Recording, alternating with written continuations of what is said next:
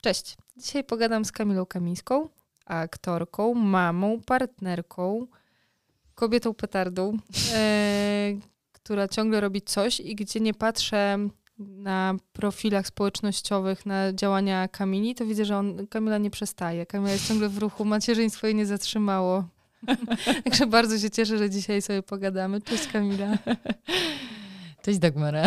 Miło się z tobą spotkać tutaj po latach. Po 20 latach.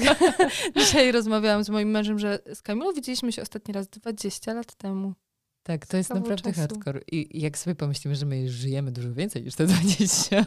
Mamy dzieci. Mamy dzieci, spotkaliśmy się w harcerstwie, więc jak mówisz o tej aktywności, że się nie zatrzymujemy, to wydaje mi się, że tam zostało nam zaszczepione taka aktywność, że ciągle coś się dzieje, ciągle coś, jakiś rozwój, jakaś, jakieś działanie. To mnie karmi chyba, wiesz? Trochę tak, ja też mam takie poczucie, że to harcerstwo bardzo dużo wniosło w mm, nie tylko moje życie y, zawodowe, bo w nie na pewno dużo, mhm. ale też w to, jakim jestem rodzicem na przykład. Miałyśmy gdzie zdobyć praktykę. tak, tak, nauczyć się, że z nimi też można rozmawiać, że dzieci są równe, nie? Tak, mm. na różnych etapach, ale to wiesz, nie tęsknię, no, śmiałyśmy się tutaj, że zakładasz swoją rodzinę, to już powoli pierwsza gromada zuchowa. To tylko na to jeszcze trzeba poczekać. Tak, jeszcze troszkę. Dzieci roz, dorosną. Troszkę. Chociaż Leoś jeszcze dwa lata i już, już proszę, gotowy produkt tak. zuchowy, wypuszczony z domu. No, no, mamy takich znajomych, którzy dla swoich dzieci założyli gromadę, bo żadna im o. się nie podobała mają tylko dwóch synów, ale e, stwierdzili... Zaprosili inne dzieci do tak, tego? Tak, zaprosili i... inne dzieci i założyli gromadę po to, żeby poprowadzić dobrą gromadę dla swoich dzieci. Super. Wspaniałe. No, zresztą niedaleko. E, dobra, Kama. Spotkałyśmy się, żeby pogadać trochę o tym, jak to u ciebie było z ciążą i porodem, bo byłaś w bardzo, jesteś w bardzo specyficznej sytuacji. E, która z jednej strony ma dużo, niesie za sobą dużo fajnych rzeczy, a z drugiej strony wyobrażam sobie, że może nieść dużo potencjalnych stresorów. Mhm. E, jesteś osobą rozpoznawalną, z roku na rok pewnie coraz bardziej. E, przejrzałam sobie dzisiaj na szybko produkcje, w których występowałaś i w którym roku mniej więcej, mhm. Mm, więc wiem, że widzę jakby, że tego było dużo mm, już przed tym, jak zaszłaś w ciążę. I wiem, że ciążę dosyć długo udało ci się utrzymać w tajemnicy przed światem e, medialnym. I tak się zastanawiam, jak to było, w sensie skąd u was była decyzja o tym, że chcecie to zostawić w domu, bo nie każdy podejmuje tę decyzję i czy to było proste? Mieliśmy szczęście, bo akurat to się jakoś złożyło z pandemią, więc nie było tak dużo wyjść publicznych, nie spotykaliśmy się e, w gronie wielu osób, no bo to nawet nie tylko zawodowym, ale po prostu nawet ze znajomymi. To, to był taki czas, że siedziało się w domu. E, co prawda to nie był ten pierwszy lockdown, więc dlaczego tak dużo siedziało się w domu? Poczekaj, czy ja coś kłamię? Już wiem. Ja trochę kłamię. Znaczy nie kłamię, ale pomyliły mi się e, jakby czasy, bo tak naprawdę w ciąży, kiedy yy, się dowiedzieliśmy, że jesteśmy w ciąży, że ja jestem w ciąży, jakby będziemy mieć dziecko, to ja wtedy jeszcze pracowałam w serialu Zakochani po uszy, oboje zresztą pracowaliśmy. I nawet tam e, trochę czasu mi zajęło, zanim powiadomiłam, wiadomo, to pracodawca. Tam grałam Sylwię, która nie miała być w ciąży, bo ona już miała dziecko. I, i grałam wtedy sceny w więzieniu, pamiętam, i że uciekam z więzienia. E, więc absolutnie nie mogliśmy pokazywać tej ciąży, więc jakby w, za w zawodzie też to było gdzieś tam ukrywane. E, wiadomo, że mogłam mieć inne warunki, że bardzo, do, bardzo dobre traktowanie na obu planach i w barwach szczęścia i w zakochanych po że jakby był ten trosz, troszkę krótszy czas pracy, dostosowanie jakby do samopoczucia. Ja w ciąży przechodziłam COVID, więc też miałam wycięcie miesięczne, a potem bardzo źle się czułam po, po, po jakby powrocie. Ja już nie wiedziałam, czy to COVID, czy ciążę, czy mi jest aż tak źle. Mdłości do y, połowy piątego miesiąca to naprawdę nie jest nic fajnego. Przychodziłam, pamiętam, do garderoby i tak e, myślałam, że nie zacznę tego dnia. I, I dlaczego o tym mówię? Bo to, to jakby to były warunki. Do siódmego miesiąca pracowałam nie było nawet za bardzo widać jeszcze tej ciąży. Mi ten brzuch wywalił jakoś taki siódmy, Pod ósmy koniec. miesiąc, tak Mhm. pod koniec. Naprawdę tak bardzo ładnie się wybrzuszył i jakby zaokrąglił i nagle jakby wyszedł.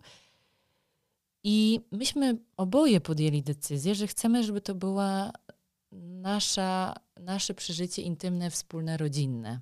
Żeby to nie była medialna historia. E, więc nasi przyjaciele się dowiedzieli od nas. Zazwyczaj staraliśmy się, co nie było łatwe w tamtym czasie, żeby powiedzieć im osobiście. Więc i rodzinie, i przyjaciołom staraliśmy się, robiliśmy takie spotkania i mówiliśmy na przykład, że na przykład naszym przyjaciołom specjalnie tam pojechaliśmy w góry, żeby się z nimi spotkać i im powiedzieć. I z tej okazji była taka imprezka. I tak staraliśmy się robić z bliskimi ludźmi, co uważam było bardzo ciekawe mm, dla nas, bo było takim celebrowaniem tego życia, które przyjdzie. I na tym chyba nam zależało, żeby nie skupić się na robieniu show z tego. Mm, Co nie uważam, że jest czymś złym, że dzielimy się ze światem, e, tylko że, żebym to dobrze wyraziła. Chcieliśmy, żeby to była przede wszystkim taka, taka rodzinna i bliskościowa celebracja, e, też ze względu na to, że jakby to jest okres inkubacyjny i chcemy, żeby był ten spokój. Ja potrzebowałam bardzo takiego spokoju, wyciszenia, dlatego zdecydowałam odmówić się wszelkim e, pracom później po tym siódmym miesiącu, żeby się skupić już tylko na odpoczywaniu e, i właśnie takim wyciszaniu. I, I myślę, że to była świetna decyzja, że tak naprawdę tak powiedzmy szumnie ten świat medialny dowiedział się tydzień przed porodem. I moje przyjaciółki, przyjaciele też nie mówili nikomu jakby o tej ciąży. Pamiętam, że robiliśmy re relacje na Instagramie, to zawsze gdzieś to tak e, z poszanowaniem tego brzucha. Nawet robiłam wtedy jakieś kampanie takie społeczne, jak e, badaj się regularnie. Nawet, nawet wtedy zostało to uszanowane jestem bardzo wdzięczna wszystkim, którzy uszanowali tę naszą decyzję.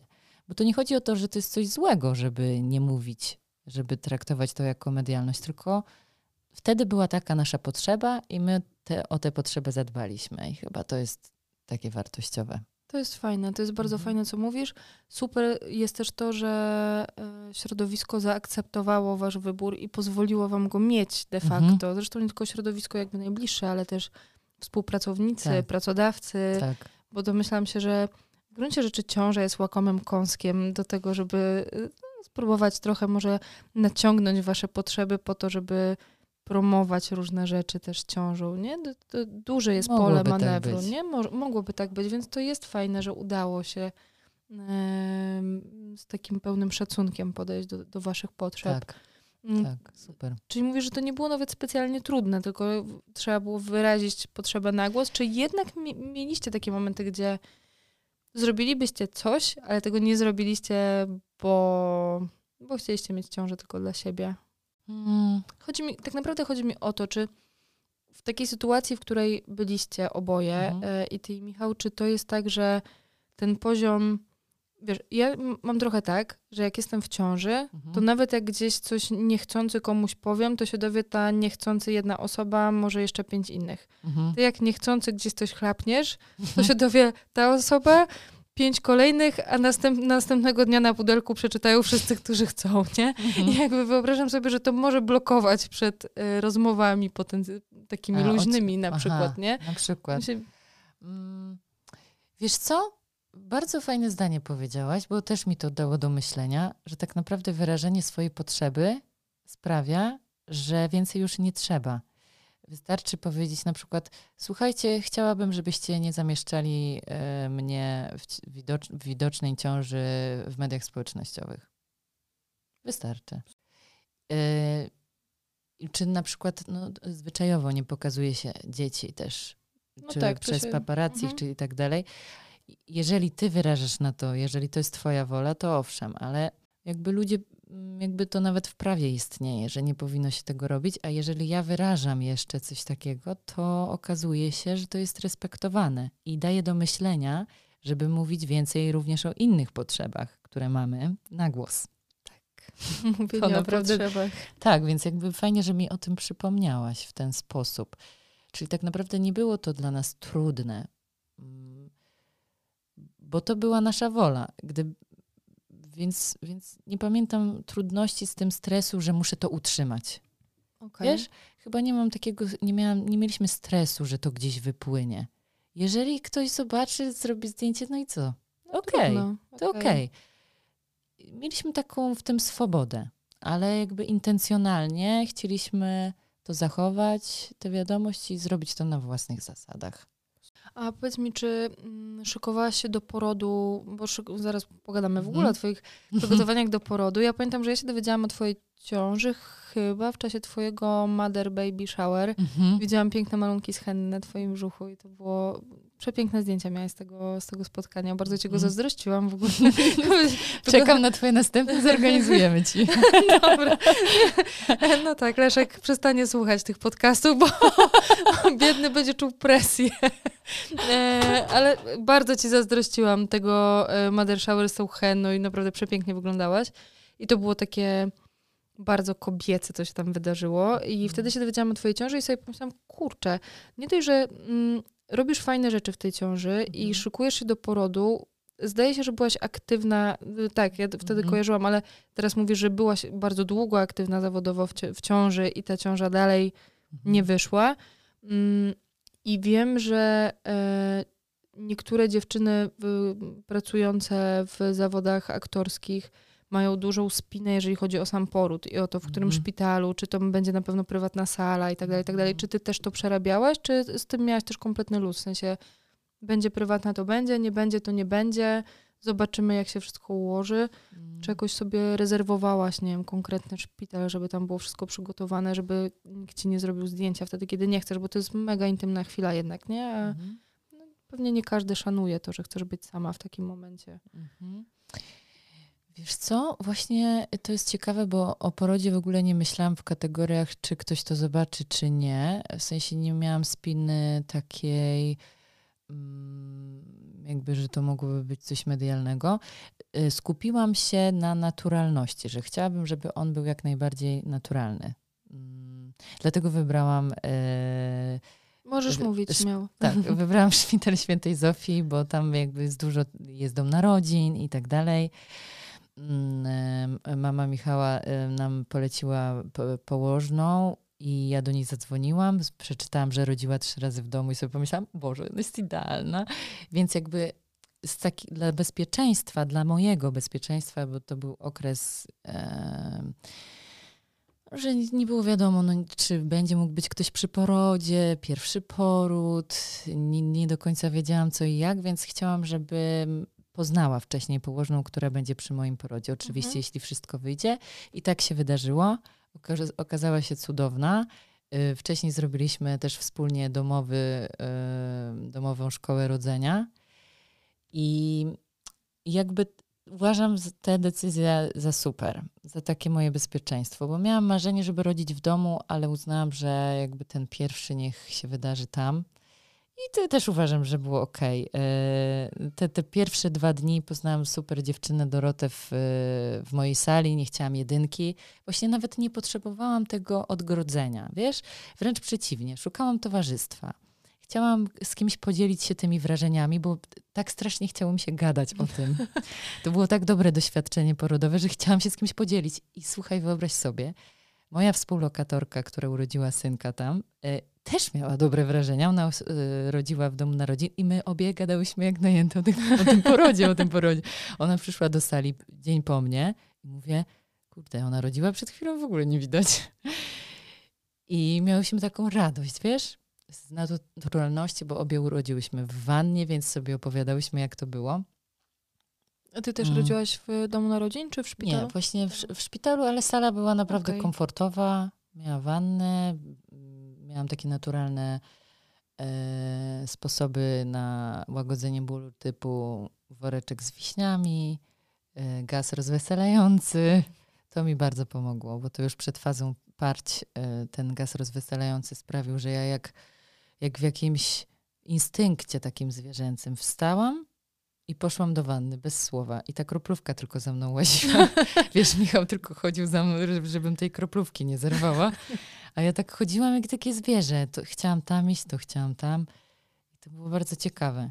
Pamiętam, że mi położna mówiła przed, yy, no właśnie na szkole rodzenia, że w którymś momencie, jak się odpali instynkt taki gadzi, gadzi mózg, mhm.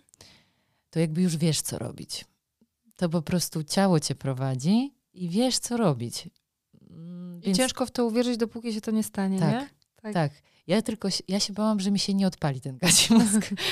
Ale jak się pozwoli chyba ciału, żeby jakby mówiło co dalej, no to wiesz, no i oczywiście takie czuwanie mm, osoby, która cię czuje, która cię prowadzi, ma doświadczenie, bo jakby ja się czułam zaopiekowana, mimo że położna przychodziła co jakiś czas. My tak naprawdę sami tam rodziliśmy, a ona czuwała, żeby było wszystko ok, że patrzyła na KTG, widziała zmieniające się fazy porodu, to wtedy była, żeby sprawdzić rozwarcie, sprawdzić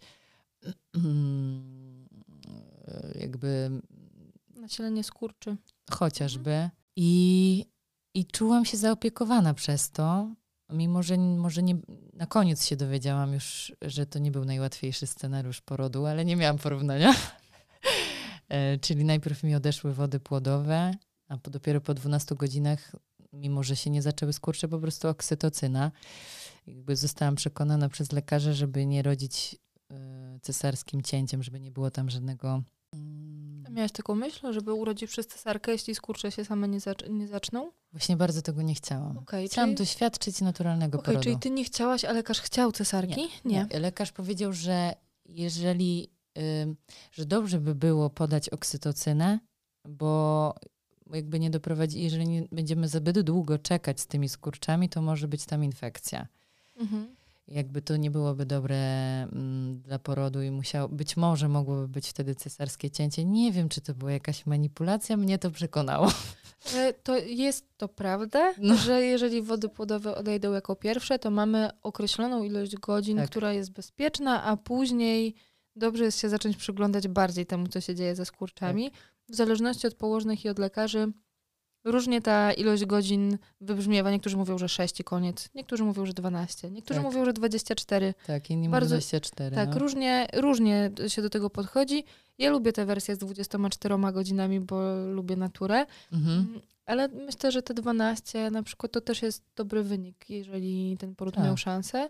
No zresztą to, ty mówisz, że potem jak dostałaś oksytocynę, to on się ładnie już potoczył, nie? Tak, te, te skurcze tak. poszły. Wiesz, ta pierwsza faza, jak dostajesz pierwszy skurcz i masz, o, zaczyna się ekscytacja, zaraz będzie się działo, o, następny skurcz i tak coraz częściej. To na początku mnie tak, o, wow, fajnie. Wiesz, szczególnie, mm, znaczy, nie chcę powiedzieć, że to mnie bardziej ucieszyło, jakby byłam skupiona na swoim porodzie, ale też widziałam, że nie każdy tak ma. Bo leżałam na patologii ciąży z dziewczyną, która rodziła już trzy dni i jakby u niej się poród już zaczynał, skurcze były, ale nie mogło dojść do porodu, jakby do, do tych, tych następnych faz. Tak. I widziałam, że to jest bardzo trudne dla tej dziewczyny, e, że mówiła nawet, że już tu dwie pacjentki przyszły, zaczęły, nały im się skurcze i wychodziły, od razu rodziły jakby ona cały czas czekała, więc nasze biologie są tak różne, każda z nas jest tak inna, że to nie ma w ogóle co porównywać, tylko jakby przypatrzyć się swojemu ciału i jakby być wdzięcznym za to, co się dzieje. Hmm, przynajmniej tak u mnie to zadziałało. I pamiętam, że ja wtedy zrobiłam medytację godzinną tak na takich skurczach, coraz więcej pojawiających się. Um, I to też super mnie nastroiło do porodu tak pozwoliło wejść w ciało, skupić się. I właśnie chciałam muzykę, ci opowiadałam. Więc jak już została przygotowana dla mnie sala, to byłam tam sama przez chwilę, włączyłam muzykę i zaczęłam tańczyć i super ekstra. Miałam koszulę porodową od mojej mamy w kwiatki i byłam jak taka rusałka. Przyszedł Michał, włączyliśmy muzę, trwało to może z pięć minut tego tańca, bo jak mnie zaczęło boleć i te skurcze były naprawdę duże, to mówię, wyłącz to. wyłącz to i tylko Nora Jones. Co pamiętam? Mm. I po prostu już jakby te wyobrażenia się skończyły, wiesz, że musisz się dostosować do sytuacji. I nie wiem, i te wisienki, położenie mnie na plecach i sprawdzanie ich za każdym razem badanie, położenie kobiety na plecach rodzącej, ja nie wiem, kto to wymyślił, ale to jest naprawdę duży ból. Położnik. To wymyślił położnik. Położnik, położnik tak. nie położna. Nie, nie, to wymyślił lekarz położnik po to, żeby było łatwiej e, zajrzeć, a w ogóle chyba pierwszy raz zajrzeć, co się dzieje w czasie porodu, chciał któryś król francuski. To był chyba XVII mhm. czy XVIII wiek, XVIII zdaje się, który mhm. sobie wymyślił, że chce zobaczyć, jak królowa rodzi. O. I no i w związku z tym na plecy, dziękuję, pokazujemy jak rodzimy i od tego się chyba zaczęło. Jeśli to możliwe, że pomieszałam, że tam był najpierw lekarz, ale wydaje mi się, że Aha. pierwszy był król, a później był lekarz, który mm, nie ma inaczej dojścia do tego, żeby widzieć, bo wtedy to już nie kobieta jest na pierwszym miejscu, tylko to dziecko. Tak. Nie? tak. A zobacz, że położne akuszerki, w ogóle jak rodzimy z kobietami, takimi bardzo osadzonymi w naturze, mhm. to zazwyczaj te porody się odbywają na stojąco, w kłódkach. Tak. Tam nikt nie zagląda, co się dzieje na dole, bo to w ogóle nie jest istotne. To nie jest istotne. No, no właśnie. To nie jest ewentualnie tam, wiesz, przy badaniu. Czyli jakby zostałam położona jakby na samo badanie, a potem zmieniałyśmy pozycję i, i, często zmieniałyśmy. Weszłyśmy do wanny, na rozluźnienie, potem na piłkę. Pamiętam moment przy, na piłce przy drabinkach, że myślałam, że umieram. Po prostu. I, ale przygotowałam się wcześniej mentalnie bardzo. Dużo ćwiczyłam. Dużo też chodziłam, pamiętam, do fizjoterapeutki, do osteopatki, przygotowywałam ciało i do duli mojej. Marty, pozdrawiam serdecznie. E, bo jakby to przygotowanie, że masz wcześniej wyobrażenie, czym jest dla ciebie ten skurcz i twoje ciało, żeby umiało się rozluźniać w tych trudnych momentach, jest bardzo ważne teraz uważam że gdyby to się działo bez przygotowania, to nie wiedziałabym, co się dzieje. Pamiętam, że jedna z nich powiedziała, że kryzys siódmego centymetra jest taki, że masz wrażenie, że umierasz. Nawet jak wiesz, nawet jak jesteś położną. I po prostu przez to przechodzisz. Jakby wiesz, co się tam dzieje, musisz się nauczyć oddychania. I tutaj oddech ten do dołu, taki do macicy, bardzo mi pomagał. A jeżeli tylko zdarzyło mi się krzyknąć, wiesz, do góry w, w wysokim rejestrze, to było tylko gorzej. To była bardzo ciekawa obserwacja w trakcie, że ja, wiesz, wydawałam takie dźwięki, takie jak. No. Wchodzące w przeponę. Tak, i wchodzące jakby w dół, że rozluźniasz. I kiedy myślisz o tym, że każdy skurcz pomaga, o nawet brzuch mu się odezwał, jak to powiedziałam. każdy skurcz pomaga mojej, mojej córeczce jakby urodzić się, że to jest wspólna praca. Jak sobie to wiesz, ułożyłam w głowie, że to jest jakby nasza droga, to nie tylko mnie boli tutaj. To jest, ona wykonuje tam pracę, ona musi wyjść, a ja jej pomagam tymi skurczami, moje ciało. Nawet nie samą świadomością, że ciało to robi, to jest wow. Bardzo to e, pomaga, uważam, w porodzie, że to nie jest szkoła przetrwania i teraz, żeby, żeby tylko do końca, tylko to jest nasza droga, że my teraz się rodzimy, wiesz, że po prostu rodzi się, ja się rodzę jako mama i po prostu to jest moja droga, ja chcę to przeżyć. Dlaczego miałabym sobie to odbierać? Na przykład jakimś znieczuleniem. E, znaczy, od razu tutaj mówię, ja tu nie, ja, ja nie chcę nikomu mówić, że znieczulenie jest złe, albo że cesarka, albo coś takiego. Ja mówię o swoim doświadczeniu i, i o tym, jak, e, jak ja na tym etapie czułam. Tak, bo mm. każdy z nas ma wybór. I Dokładnie. to, co mówisz, jest e, ważne, że mówisz o sobie, o swoim doświadczeniu, Twoje doświadczenie może być dla kogoś inspirujące, mhm. może dla kogoś kompletnie nie być. Jeżeli chcecie rodzić przez cesarki, to jakby to jest, to, to jest twoje, Twoja droga, Twój tak. wybór. Tak. Nie negujemy tutaj żadnych porodów, absolutnie. Tak. Natomiast y, to w ogóle chciałam też nawiązać do tego, jak y, opowiadasz o tym porodzie. On był no. półtora roku temu, a Kamila tu wygląda po prostu jest tak zajarana. I widać tą ekscytację, bo opowiadam o tym porodzie i, i to jest super, że jakby ten poród był tak pełen mocy i sprawczości u ciebie i jakby tak. widzę, że ja się rodziłam jako mama. Ja rodziłam. Nikt inny nie rodził. Ja rodziłam no. i Jaśmina się rodziła. I to było wielkie przeżycie, ale ty byłaś bardzo dobrze przygotowana do tego porodu. Rzadko się trafiają dziewczyny, które są tak przygotowane i tak wiedzą.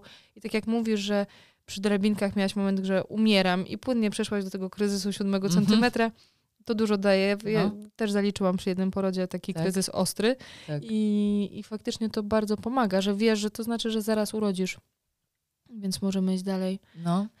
Te skurcze, wiesz, te skurcze właśnie są trudne, jakby przy sam, same rozwierające. Dopiero jak przychodzą party, to masz wrażenie, że teraz masz, y, możesz coś zrobić, że coś od ciebie zależy przy tych partych. Pamiętam, że jakby y, tam czułam, że jej pomagam, żeby się wszystko otworzyło, ale nie wiedziałam, ile to będzie trwało, nie? Mhm. A kiedy przychodzą, pamiętam ten gaz rozweselający i już poszłam do wanny i czułam, i jeszcze po, wtedy nie było. Michał ze mną był cały czas i jego obecność, ja nie wiedziałam jak będzie, ale bardzo mi pomogła. Sama nawet obecność, że on mnie, wiesz, przytrzymał, że mnie ty, przy tych drabinkach przytrzymał przy tej piłce. Ja już mówiłam tam, kurwa, nie dam rady. Pamiętam, że się wrzynałam nawet w niego. I, I to, że po prostu on jest, było dla mnie bardzo takie wspierające.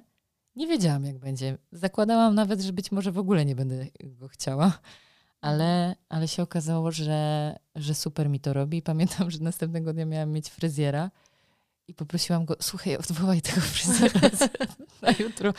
On poszedł odwoływać, a ja mówię, Boże, niech on już tu wróci, bo ja strasznie go potrzebuję. E, to, to mi też dało do myślenia, że, że czułam, że to jest nasze wspólne, wiesz? Mhm. Że to nie jest tylko nasze, że ja go potrzebuję do tego rodzenia. I właśnie weszłam do wanny i położna przyszła jakby już w trakcie partych. O, part, już zaczęłaś przeć. że zobacz, że to jest intuicyjne. Znaczy No. jakby tak się dzieje. Czułam, że to jest trochę coś innego. I ona mi wtedy też bardzo pomogła, bo kontrolowała, żeby nie pójść za szybko. Jeszcze, jeszcze nie urodzisz, jeszcze chwilę, jeszcze wiesz, żeby Jeszcze ochronić krocze. ochronić krocze. Tak, Pięknie. udało się. Super. Wiesz. I tutaj jej, jej wiedza, jej doświadczenie, bo ja bym nie wiedziała na przykład, wydaje mi się, jakbym sama gdzieś rodziła, co zrobić wtedy. Że, że Pewnie byś urodziła za szybko, bo to się Może. zdarza. Bo no, No. intuicyjnie chyba robimy tak, żeby jak najszybciej było już po. No, I żeby już pomóc wyprzeć. I faktycznie tutaj bardzo dużo daje doświadczona położna. Mhm. Też mi się wydaje, że to, to robi i dzięki Mhm. temu udaje nam się ochronić te krocza. chrońmy krocza. Chrońmy krocza. tak, chrońmy krocza. E, no dobra, ale tak jak cię słucham, to też wychodzi mi z twojej opowieści, że miałaś jakiś tam plan porodu, miałaś jakieś Mhm. tam wizję tego, jak to może wyglądać. Tak. Nie byłaś do końca pewna, czy będziesz na przykład chciała, żeby Michał faktycznie z tobą został, czy żeby Tak. sobie wyszedł. Dule miałaś e, ze sobą w, sz- w szpitalu, czy nie? Nie. Bo tylko jedna osoba już teraz Tylko jedna być. osoba mogła Okej, powoli wracamy do tego, że mogą być dwie i Mhm. ja tutaj postuluję, żeby dule, czy tam siostry, czy matki, czy w ogóle druga osoba, żeby wróciły na sale porodowe. Już pandemia Mhm. poszła. Wróćmy do, Tak. do zasad sprzed pandemii, bo to dużo daje. Mm, Tak czy siak, jakby myślałaś sobie o tym, że, że nie wiesz do końca, założyłaś jakiś tam plan porodu, ale słyszę też u ciebie, że miałaś dosyć dużą otwartość na zmiany w tym planie porodu, nie? Mhm. I okej, y, ona się zadziała sama, czy, y, czy w momencie, w którym odeszły ci wody, a nie zaczęły się skurcze, zrobiłaś, okej, jednak, jednak trzeba odpuścić plan porodu. Wiesz co, jak się odeszły mi wody, to pomyślałam sobie, nie, naprawdę? Już teraz przecież ja nie jestem przygotowana. ja, ja mówię do niego, do Michała, słuchaj, nie mogę teraz rodzić, pajacyków nie mam do szpitala. Co to te pajacyki? Nikt nigdy nie wiedział, wiesz, się zastanawialiśmy, ale wiesz, że jakby nie wszystko było gotowe. Ja nie jestem takim typem, że mam już przygotowane wszystko kilka miesięcy wcześniej, tylko sobie sukcesywnie, y, powolutku i zdziwiło mnie to, że nagle mój strach się pojawił o jakieś tam rzeczy. Mhm. Wiesz, był pewnie czymś zastępczym, że to już, że, że już. I pamiętam, że Michał tak stanął w drzwiach i mówi: Kochanie, Bobaka idzie. Bobaka. My tak nazywaliśmy Mhm. mhm. zanim się urodziła. Bobaka, bo ona jeszcze nie miała imienia. Bobaka idzie, teraz do nas idzie. I też jest ciekawe, że mówiąc o porodzie, nie, nie mówiłam urodziłam, albo że Jaśmina się urodziła, tylko ja mówiłam obudziła się. Ale nie dlatego, że to sobie wymyśliłam, tylko tak mi wychodzi w słowach. Wiesz, że ja po prostu, ona się obudzi, ona się obudziła. I to jest bardzo ciekawe, bo tak jakby się obudziła, wiesz, do tego nowego świata, tak jakby cały czas gdzieś była. Ale na co miałam ci odpowiedzieć? Bo ja zaczęłam coś innego mówić.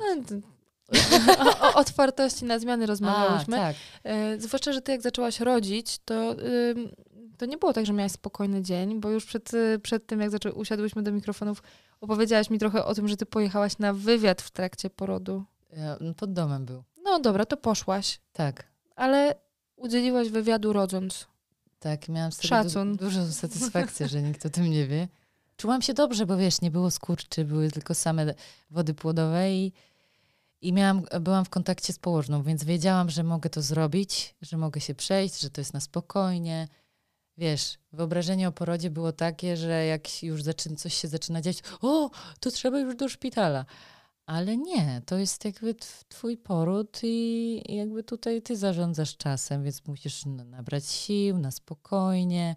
Może się skurcze zaczną w trakcie rozmowy. Tak akurat nie było, ale wszystko przeszło dobrze, więc masz rację. Pojawiło się w tej ekscytacji, pamiętam, poszłam, że to już. I, I ja chyba też pracowałam nad tym, że to ma być elastyczna historia. Wiesz, że może się wszystko wydarzyć może być za wcześnie, może być za późno.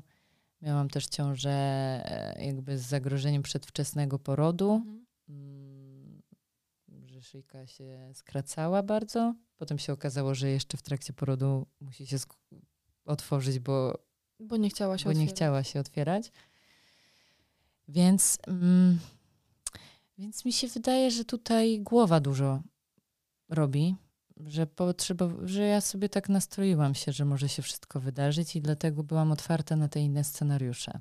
Ale wiedziałam, co chcę. Wiedziałam, żeby jak najwięcej naturalnie, żeby to przeżyć. A reszta niech się dzieje, no i zobaczymy. Jakby trzeba było inny scenariusz zakładać, no to, no to już, trudno. Tej położnej też mogłoby nie być. Mógłby być ktoś inny.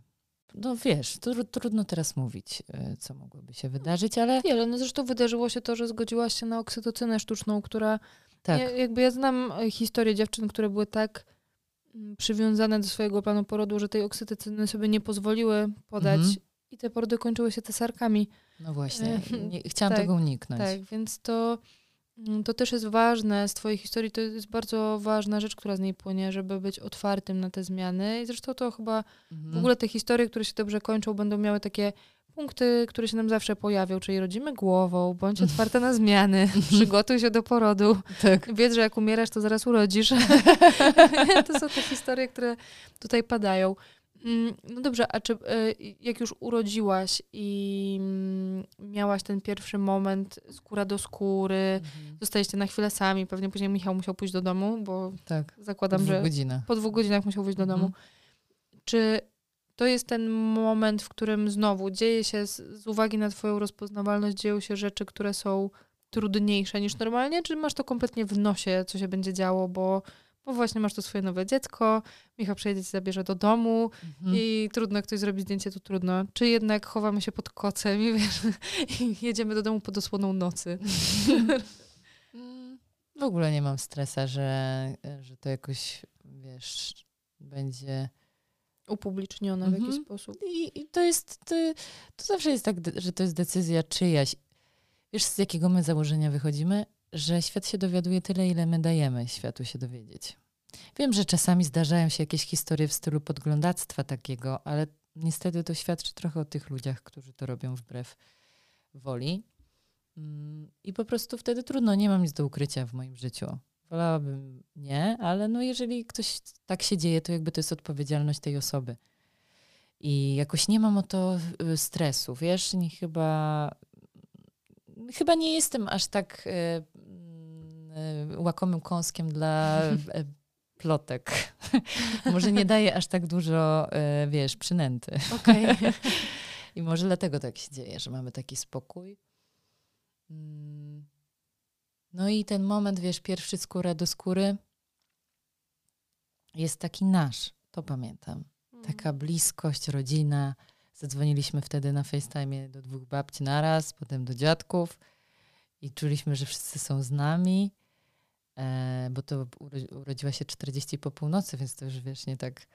E, Nie tak znowu wcześnie na telefony do No. babci. no właśnie, ale wszyscy oczekiwali i Jaśminka urodziła się w tym samym dniu, co babcia Krysia, czyli mama Michała i mój brat. Więc w ogóle to jest Pięknie. ciekawa historia.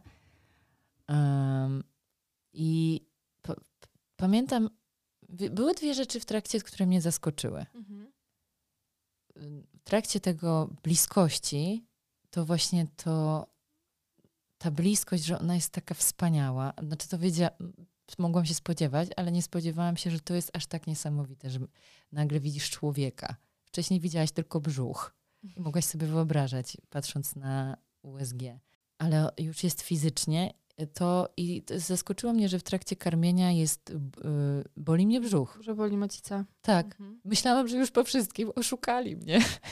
Wiesz, że to już jest koniec porodu, a poczułam się taka oszukana nagle, że jeszcze mnie boli brzuch. I zdziwiło mnie, że na przykład w trakcie partych było mi niedobrze. Ja leżąc tak. w tej wannie chciałam herbaty. Po prostu potrzebowałam herbaty. To było coś, co mnie ratowało od tych mdłości i piłam czarną, czy tam jakąś owocową bez cukru i to sprawiało, ok, zasypiałam między skurczami, piłam tę herbatę i do przodu. No i to były rzeczy, których na przykład nie wiedziałam, że mogą się wydarzyć. Może to komuś pomoże. Może. Każdy poród też jest inny, więc w no. każdym porodzie się mogą pojawić rzeczy, które się nie pojawiły u nikogo, chociaż mdłości czy wymioty przypartych. E, przy jednym porodzie przypartych, ja mam Trzy. porównanie y, mhm. między porodami. Przy ostatnim porodzie y, bardzo mi się chciało wymiotować przypartych i położna leciała po, y, po nereczkę, żebym w razie czego nie wymiotowała mm. na mhm. podłogę. Ale wcześniej tego nie miałam. Także mm. myślę, że to też zależy. Mm. Chociaż te wymioty, no wiesz, robienie kupy, takie rzeczy się pojawiają przy partych, bo organizm się oczyszcza, nie? Tak. To po prostu tak. robimy wszystko, żeby dziecko wyszło, więc robimy mu jak najwięcej miejsca, wywalaj tak. żołądek i, i, i jedziemy dalej. No. Mm, ale tak, to może być zaskakujące. Tak. To może być zaskakujące. A e, jak u Ciebie było później z karmieniem? Ka karmisz piersią? Karmisz tak, piersią, prawda? Tak, cały czas. Fajnie. Wiesz, y, nie było to dla mnie takie oczywiste. Y, znaczy, jak, może nie, że oczywiste, bo wiedziałam, że chcę karmić piersią, ale chodzi mi o to, że Jaśmina nie mogła zassać się dobrze na, jednym, na jednej z piersi. Druga szła ok, a druga nie jakoś nie mogła, wiesz, się wstrzelić. Więc pomagały mi położne, a potem się skontaktowałam z doradczynią laktacyjną, która bardzo mi pomogła. Pokazała właściwą pozycję, wiesz, ust, buzi, jakby, żeby się nie bać tego.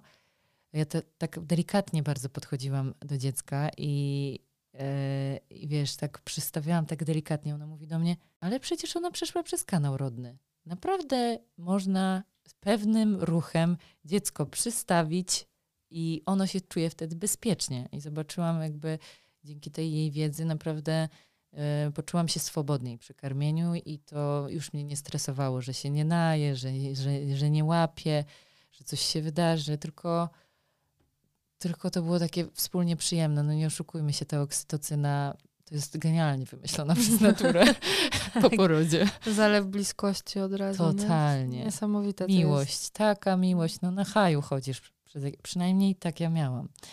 Nie zawsze, się to, nie zawsze tak jest. Czasami mhm. się rodzi dziecko i wcale nie ma tego wybuchu miłości i to też jest okej. Okay. Mhm. To też jest okej, okay. ta miłość może przychodzić etapami, ale jeżeli doświadczy się tego zalewu oksytocynowego i takiego... Mhm.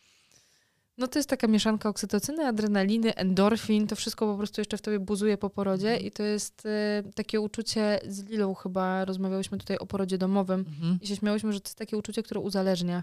Że to jest mhm. trochę tak, że ono się kończy, myślisz sobie, kurczę, nie wiem, czy chcę wychowywać szóstkę dzieci, ale urodzić to bym jeszcze chciała. tak. I dla tego momentu po porodzie, nie? Mhm. E, także tak. A pojawiają się na przykład, ciekawa jestem u ciebie, czy e, jakby jak odstawiasz już od piersi, czy pojawia ci się jakiś rodzaj żalu? No takiego żałoby po, po karmieniu, hmm. na zasadzie jakiegoś smutku, czy raczej masz uff, nareszcie. Wiesz co, jestem w bardzo specyficznej sytuacji, ponieważ ja od 4,5 roku karmię nieprzerwanie trójkę dzieci. Aha. Karmiłam Leona, jak zaczęłam Leona, karmiłam do porodu Anieli i po porodzie Anieli jeszcze przez pół roku karmiłam Anielę i Leona wspólnie. Ach. Więc jak Leon się odstawił, to nawet nie miałam poczucia straty, bo po prostu miałam trochę mniej karmienia, ale dalej miałam karmienie. Anielę odstawiłam Aniela się sama odstawiła w zasadzie, bo ja odstawiłam noce w ciąży, a ona się odstawiła chyba za dwa miesiące przed urodzeniem się Henia. Aha. Więc to też znowu było tak, że no ja wie, no, to nie do końca było odstawienie jakieś, wiesz, no nie Aha, miałam żalu tak. specjalnie, bo zaraz zaczynałam rodzić kolejne dziecko. No tak.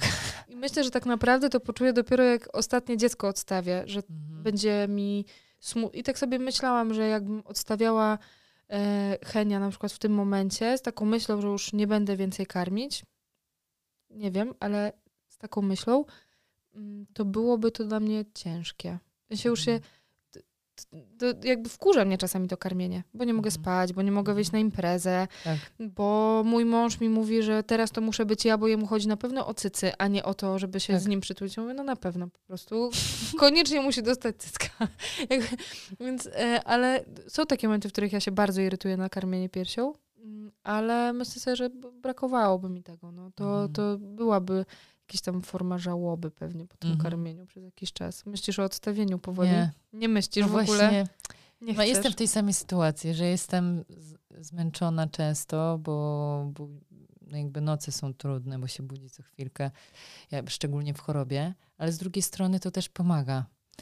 Więc jakby sobie myślisz, dobra, no przetrwamy ten okres jakby takiego pobudek co 20 minut, ale wiesz, jak sobie policzyłam, no już nie, jak policz sobie, ile dni, ile nocy masz z pobudkami takich nieprzespanych do końca. Ile to jest lat, Miałam ile to jedną będzie... bez, przez 4,5 roku bez pobudek. Nie miałam. No No właśnie, właśnie, nie jedną. wiem, czy miałam. No może jedną miałam.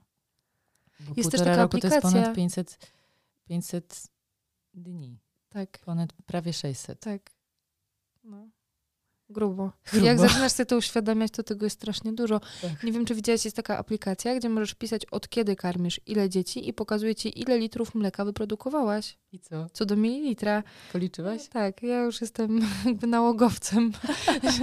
Tam jest jakieś w setkach tysięcy to idzie po prostu, ale możesz sobie to, e, możesz, e, ja nie pamiętam teraz na jakiej stronie, podlasić to później. Dobra. I możesz sobie obliczyć, ile Jaśminka już dostała od ciebie mililitrów mleka. Wow. Sztos. Tak.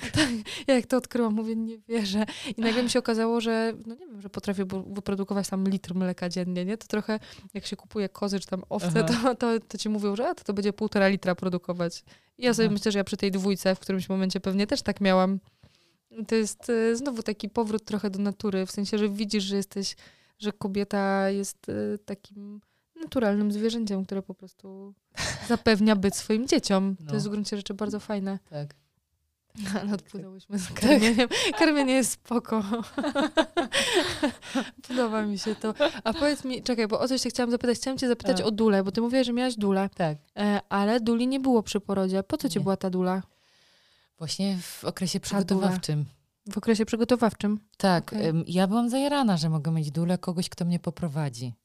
Bo wiesz, na, na początku, kiedy jest pierwsza ciąża, znaczy jakbym już urodziła nie wiadomo ile, ale, ale ten moment, kiedy się dowiaduję, że jestem w ciąży i jak to wszystko ma wyglądać i co, z- co z czym się je, no to możesz słuchać różnych opowieści, ale jakby chciałoby się to zebrać do kupy, żeby ktoś mm, może nie poprowadził cię za rękę, ale był takim tw- twoją towarzyszką czy towarzyszem. Mhm. Partner jakby to jest trochę co innego, bo partner cię wspiera, jakby to jest nasza wspólna historia. A kobieta doświadczona, która rodziła, która nie wiem, em, wiesz, podpowie różne e, rzeczy, o których ty nie wiesz, na przykład ćwiczenia, e, yoga, która jest dostosowana do kobiet w ciąży, a nie mm, jakby przed, żeby sobie też nie zrobić krzywdy. E, Fizjoterapeutka, która ci powie o, o, o, o tym, jak robić ćwiczenia, e, na przykład m- mięśnie dnia miedni, dna miednicy, żeby, albo jak masować krocze, to też położna może zrobić, żeby to wszystko po prostu uelastycznić. E, Czy, czy na przykład jak ćwiczyć, żeby odciążyć kręgosłup, albo rozluźnić miednicę, bo to wszystko nie dość, że pomaga fizycznie, to jeszcze z, głowa się czyści, jest po prostu swobodnie. Zawsze jak byłam zmęczona i poszłam na ćwiczenia, jak wróciłam, to miałam więcej energii, mimo że wydawało mi się, że nie mam siły. Dlaczego teraz tego nie robię? To jest pytanie. Teraz walczę, wiesz, z tym, żeby jakby sobie zapewnić jakieś ćwiczenia jakby poza domem, bo po prostu potrzebuję tego ciała, jest strasznie spięte od, od tego noszenia, karmienia, robienia, albo, ale nawet bez dzieci i tak byłyśmy, i tak się pojawiają napięcia, to co dopiero jak prowadzisz dom. Mhm. Więc- Ale za to jak już urodziłaś, to teraz już robisz to tylko dla siebie, a nie dla siebie i dziecka. Jest Mhm. dużo trudniej o to Tak. zadbać, bo te, znaczy nie wiem, czy Mm. to masz, ale ja na przykład też mam trochę takie poczucie, że jak dbam tylko o siebie i wychodzę z domu, Mhm. to jednocześnie zostawiam dziecko. Mhm. I o to dziecko w tym momencie ja nie dbam, nie? Tylko dbam o siebie. Mm. No ale to widzisz, znowu musimy popracować nad główką. Tak. I tutaj jest super duże pole do robienia. Fajnie, że wiesz, rozmawiasz o tym. Bo e, tak jak, nie wiem, czy znasz e, psychomamę Julię, która napisała, Julia Izmałkowa, która napisała tak, taką książkę teraz Parents First. Nie znam. Och, koniecznie do poznania. Mała tutaj y, mini polecajka. E, to jest filozofia która, którą ona stworzyła po przeczytaniu wielu podręczników, gdzie, gdzie wysnuła wniosek, ona o tym pisze w, w książce, dlatego o tym mówię, że podręczniki sprawiają, że masz wrażenie, że ty jesteś służbą tego dziecka, które ma przyjść na świat, a nie y, jakby rodzicem. rodzicem mhm. Że my mamy służyć jakiejś małej istocie, która przychodzi, to jest oczywiście wiadome, że mamy zapewnić bezpieczeństwo i tak dalej, ale w dużym skrócie szczęśliwy rodzic, szczęśliwe dziecko.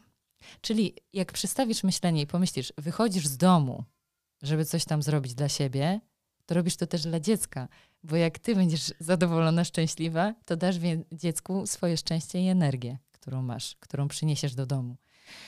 I myślę, że to jest strasznie ważne. Poza tym musimy pamiętać, że dzieci uczą się przez modelowanie. Pamiętasz, jak to było? Tak. I, i jakby ta radość em, dziecka pojawia się wtedy, kiedy, ty, kiedy no, znaczy dzieci mają dużo energii, no ale powiedzmy, że jeżeli ty masz energię i jakby tę radość w sobie i to, co ty robisz, to dzieci nas naśladują. Więc czasami niewiele trzeba, nie, nie, nieważne jest to wychowywanie, tylko ważne jest dbanie o siebie i dbanie jakby pokazywanie dziecku, jak wygląda twoje życie, poprzez, poprzez to ono się uczy. Ono cię naśladuje. Więc bardzo mi się to podoba i jakby teraz jestem na tym etapie oswajania tego tematu, bo ja czasami przesadzam, skupiając się za bardzo na dziecku, zapominając o sobie. I Już wiem myślałam, że powiesz, że skupiając się za bardzo na sobie. No jest, nie wiem, czy to jest w ogóle możliwe, ale pewnie jest. Pewnie jest możliwe, że czasami, może, może czasami cierpiąc się skupiamy za bardzo na sobie, wiesz? Że na przykład, kiedy jestem umęczona i mówię, jaka jestem umęczona, eh, tu są dwie strony medalu, bo czasami trzeba to powiedzieć na głos i wykrzyczeć, jaka jestem zmęczona, żebym to sama usłyszała i inni, bo, bo na przykład inaczej nie potrafię. Ale jakby mówiąc to, to ucieka to napięcie. To jest już jakiś pierwszy krok. To jest bardzo ważne, żeby tego nie chować. Chodzi mi tylko o to, że czasami naprawdę małe kroki, wyjść z domu na spacer i zostawić wszystko jest dużo lepsze niż mówienie o Boże, nie dam rady, a coś tam, a coś tam, bo jeszcze się Jeszcze Nakręcamy. bardziej sobie dokładamy, tak. tak. I to jest ciekawe a propos Duli, wrócę tutaj do tematu, który mi zadałaś, że Dula to jest dla mnie osoba, towarzyszka, która nie jest tylko do porodu. To jest dla mnie osoba, która cię prowadzi również po. I dlatego jest taka niesamowita. Przy pierwszym karmieniu, a jak z tym karmieniem, a jak wiesz, z następnymi etapami, a ząbkowanie, a coś tam, bo ona tego doświadczyła i jeżeli masz taką duszę, która cię e, wspiera, tak naprawdę wszystkie kobiety, które rodziły, mogą być dla siebie wsparciem i taką dulą. Oczywiście jest inaczej, kiedy to jest taka wybrana osoba i, em, i to też było dla mnie ważne, żeby się tak przygotować duchowo. Mhm. I myślę, że ona też mi w tym pomogła, żeby zwrócić w ogóle na to uwagę. E, Właśnie nawet ten, jak to powiedziałaś, e, mother shower, że nie tylko baby shower, ale mother shower, która się, to mamę można otoczyć opieką, bo to ona rodzi i mamę i dziecko, nie tylko dziecko, nie tylko... Baby shower wziął, się- wziął się z Ameryki, że obsypujemy dziec, dzieci, dziecko prezentami. Prezentami. A ten, nawet to jest jeszcze inne określenie mm, Mother Celebration, czy Tak, celebracja macierzyństwa. coś takiego. E, tyle, to, bo w ogóle to, to, co ty miałaś, to trochę jest, znaczy tak mi się wydaje, bo ja tam jakby widziałam zdjęcia, tak? Więc jeśli źle myślę, to mnie popraw, albo opowiedz więcej za chwile, jeśli będziesz Mhm. chciała na ten temat. Natomiast to, co ja u ciebie widziałam, to właśnie było, to była taka celebracja twojej końcówki ciąży, celebracja tego, że jesteś kobietą, którą Mhm. i to, ko, to ko, Takiej tą kobiecość właśnie warto pokazać i że teraz ty jesteś najbardziej kobieca w swoim życiu przecież, bo y, produkujesz dziecko, co bardziej kobiecego można zrobić. Mm, I taka, to też jest taki motyw, moment celebry takiej uspokajającej, pokazującej ci, że Mhm. masz się na kim oprzeć, Tak. że za chwilę jak urodzisz, to może się tak wydarzyć, że nie będziesz miała siły, że nie będzie ci się chciało, Mhm. że będziesz miała spadek nastroju. I tutaj masz tą babę, tą babę, Tak, tamtą tak. babę, tą babę i wsparcie. one wszystkie są tutaj dla ciebie. Więc jak potrzebujesz za miesiąc się odezwać i powiedzieć albo się wypłaczę tobie, albo wyrzucę dziecko za okno, bo drze się od trzech godzin i nie Tak. wiem, co mam z tym zrobić, to ona będzie. I to Tak. jest bardzo mm, ważny motyw. W ogóle mi się bardzo to podoba w tych takich celebracjach matki, a nie Tak. baby shower, nie? Że my się dowiadujemy, że nie jesteśmy same w tym wszystkim, tylko że mamy Mhm. mamę, babcię, przyjaciółkę, koleżankę, dulę. Tak, I one wszystkie są od tego, żeby zrobić nam jak najlepiej, bo zaopiekowana matka to zaopiekowane dziecko. Tak. Zaopiekowane dziecko to lepsze społeczeństwo. Ale też e, w drugą stronę zaopiekowana matka, zaopiekowane dziecko, ale zaopiekowane dziecko, zaopiekowana matka. Tak, tak. Wezmę, zaopiekuję się dzieckiem, idź się zaopiekuj sobą. To też jakby to wszystko y, się bardzo łączy i, Mhm. i ostatecznie powoduje, że my jesteśmy po prostu lepszymi rodzicami, mimo że nie mamy takiej napinki na to, bo im większa jest napinka na bycie idealnym rodzicem, tym bardziej odjeżdża nam bycie spoko rodzicem. Bo to Mhm. wystarczy być spoko rodzicem po prostu. Tak. To Trochę trzeba mieć równowagi. I nam jest to tą równowagę trudno, ale słyszę, że ty też masz tą drogę ze sobą, że, że y, żyłaś w tym takim naszym społecznym kulcie matki Polki, rodzica, który służy dzieciom i w ogóle, i że to trzeba sobie bardzo w głowie przestawiać, żeby No dbać tak. o siebie. Oj tak. Aż tak westchnęłam po prostu, bo wydaje mi się, że z tego też bierze się lęk przed macierzyństwem. Że wszystko będzie trzeba poświęcić, żeby tylko się zająć domem, rodziną i tak dalej, i siebie poświęcić i ten. A tak naprawdę to poświęcenie nikomu nie służy. No, ani tobie nie służy, ani temu dziecku nie służy, ani rodzinie, bo, bo po prostu nie, nie możemy żyć już w takim modelu. Życie się zmieniło. Nie jesteśmy, nie, nie mieszkamy też w wielopokoleniowych rodzinach, chociaż niektórzy mają to szczęście, że tak mogą żyć i nie jesteśmy w stanie jako rodzice tylko we dwójkę podołać. Tak uważam, że potrzebna jest ta pomoc mm, i potrzebne jest takie odwrócenie myślenia. Że to nie zawsze musi być tak, że rodzice są aktywni zawodowo oboje, bo nie zawsze to jest możliwe. Jedna osoba zostaje i tak dalej, ale żeby była ta wymiana i wspólne dbanie, żebyś ty mogła mieć czas też zrobić coś dla siebie. Strasznie to jest ważne. No i zadbanie o związek. O, dbanie o związek. To jest też temat duży. O dbanie o związek, chyba y, kolejny sezon myślę, że możemy sobie zrobić o dbanie o związek i się spotkać na kolejną rozmowę. No właśnie. Bo samo dbanie o związek to jest w ogóle jakiś temat rzeka. I y, ja tu tylko taki Mhm. szybki wrzut. Tak. 60% kobiet mówi, że ich związek skończył się wraz z urodzeniem się dziecka. 60%. Ja cię. Niesamowita liczba związków się rozpada przez to, że pojawia nie przez to, że pojawia się dziecko, tylko przez to, że jest tak duże społeczne ciśnienie na to, żeby skupić się na dziecku, Tak. odstawić matkę i jej potrzeby na bok. Tak. O partnera potrzebach to my w ogóle nie rozmawiamy, bo on albo jest w pracy, albo ma się zatroszczyć o matkę, albo Tak. zatroszczyć o dziecko. No właśnie, A żeby- też ma swoje potrzeby. Tak, on też ma swoje potrzeby i to nie do końca te typowe męskie potrzeby, o których jak w ogóle mówimy o potrzebach męskich, to już na pewno one są wszystkie takie mocno stereotypowe, nie? Wyjść z Mhm. kolegami na piwo, e, nie wiem, pójść sobie pograć w piłkę, no i na koniec fajnie by było pouprawiać trochę seksu i mężczyzna obsłużony. No, no nie. No jeszcze dobrze zjeść. No jeszcze dobrze zjeść, tak. No, no nie do końca, bo tu się okazuje, że oni też mają emocje, szok. mają emocje, mogą się tego wszystkiego bać, nie? Więc to zadbanie o związek jest bardzo istotne i bardzo trudne w tej sytuacji, bo jednak dziecko powoduje, że biologicznie ciśniemy, żeby się zająć tym dzieckiem i żeby ono nie płakało. I gdzie tu znaleźć czas i siłę jeszcze na rozmowę wieczorem? Uch. No. No dlatego wiedza się przydaje. Wie, wydaje mi się, że to zdobywanie świadomości, że my chcemy być świadomymi kobietami, mężczyznami, żeby budować świadome e, rodzicielstwo i, i jakby świadome społeczeństwo tym samym w sumie. Bo- Bo Dlaczego mówię o tej wiedzy? Na przykład czytam ostatnio książkę, pewnie znasz, W głębi kontinuum. Mm, Tak. I bardzo mi dało do myślenia, jakby e, kiedy ona pisze, to jest, e, ona odwiedza taką wioskę Indian Je- Jekuana i jeszcze drugą, nie pamiętam dokładnie jak się nazywają. I obserwuje, jak wygląda tam życie rodzinne. Że dzieci praktycznie nie płaczą, jak, jak one się chowają, że jakby to się dzieje przy okazji, że to dziecko ma przyjść i powiedzieć ci o, twojej o swojej potrzebie. Nie musisz co chwilę jakby stawiać go w centrum uwagi, na przykład to mnie zszokowało. Albo kiedy jeszcze nie chodzi, jakby o gospodarowaniu energii, że niemowlę e, musi zużywać energię, nawet jeżeli nie chodzi. I ono zużywa tę energię, kiedy jest w ramionach opiekuna, załóżmy noszone. Na przykład bierzesz w chustę i chodzisz i wszystko, co ty robisz, to jakby dziecko razem z tobą zużywa swoją energię, która y, redukuje napięcie. Więc jakby dlaczego właśnie dzieci przestają płakać? To mi się przypomniało dlatego, że powiedziałaś o tym płakaniu. Co, co, co się dzieje, kiedy bierzemy dziecko w chustę? Nie każdy jest zwolennikiem, nie każdy lubi nosić, ale załóżmy, że spróbujemy.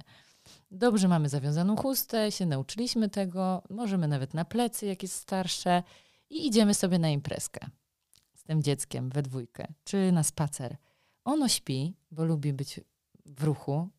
Mm, Czuję wiesz, bliskość mamy Czuję lub taty. bliskość mamy lub taty. Wiesz kiedy? Ja pamiętam to, że ona mi dawała znać, budziła się i tak, Dziobała jak Dziobała. dzięcioł. tak, i wtedy wiedziałam, że chcę karmić. To wszystko się odbywało bez płaczu e, i było jakieś takie naturalne. Dużo spała, więc my mogliśmy sobie spacerować, pójść na obiad, a dziecko jest.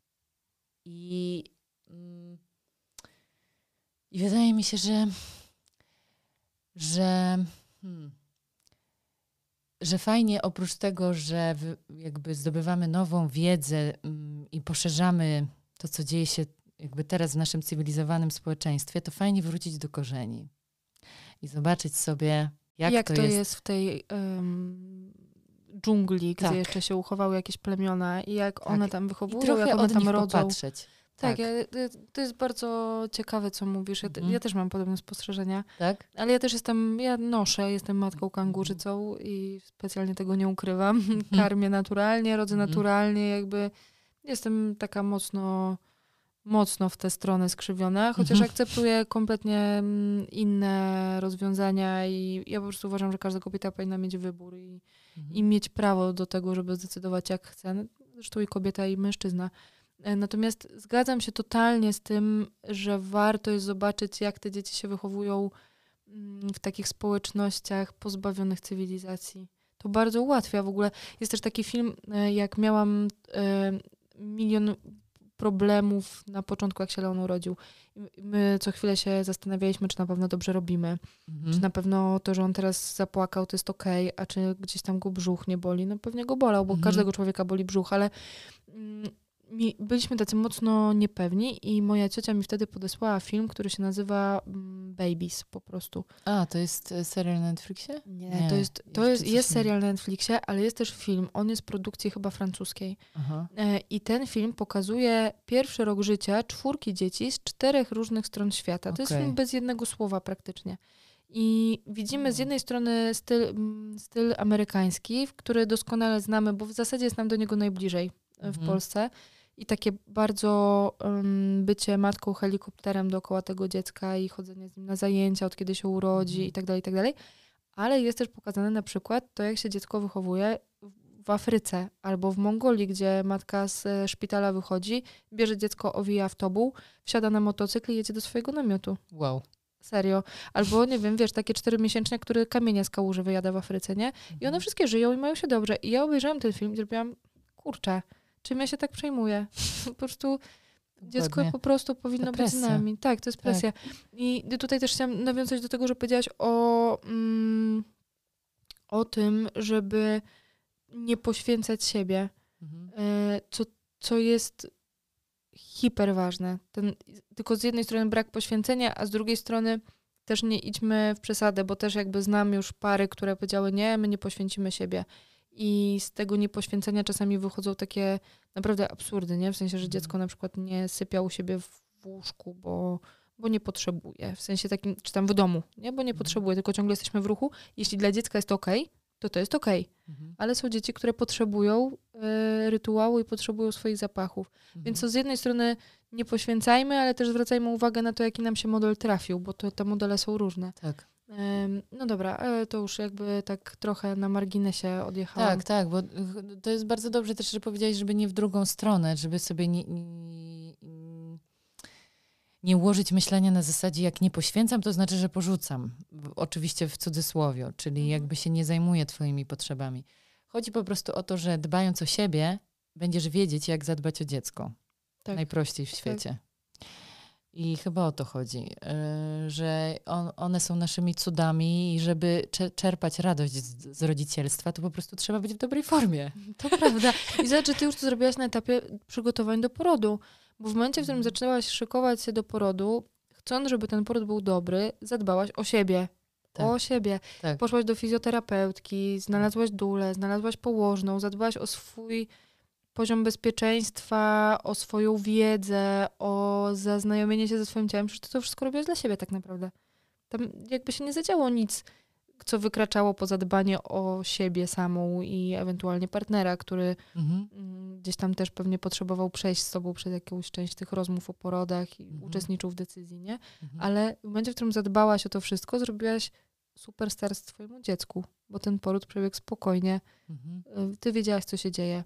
Mhm. Dziecko miało pomoc z twojej strony. Wszyscy szczęśliwi, tak? Jaśmina na świecie. Hip, No tak. Tak, Zadbałaś o siebie po prostu.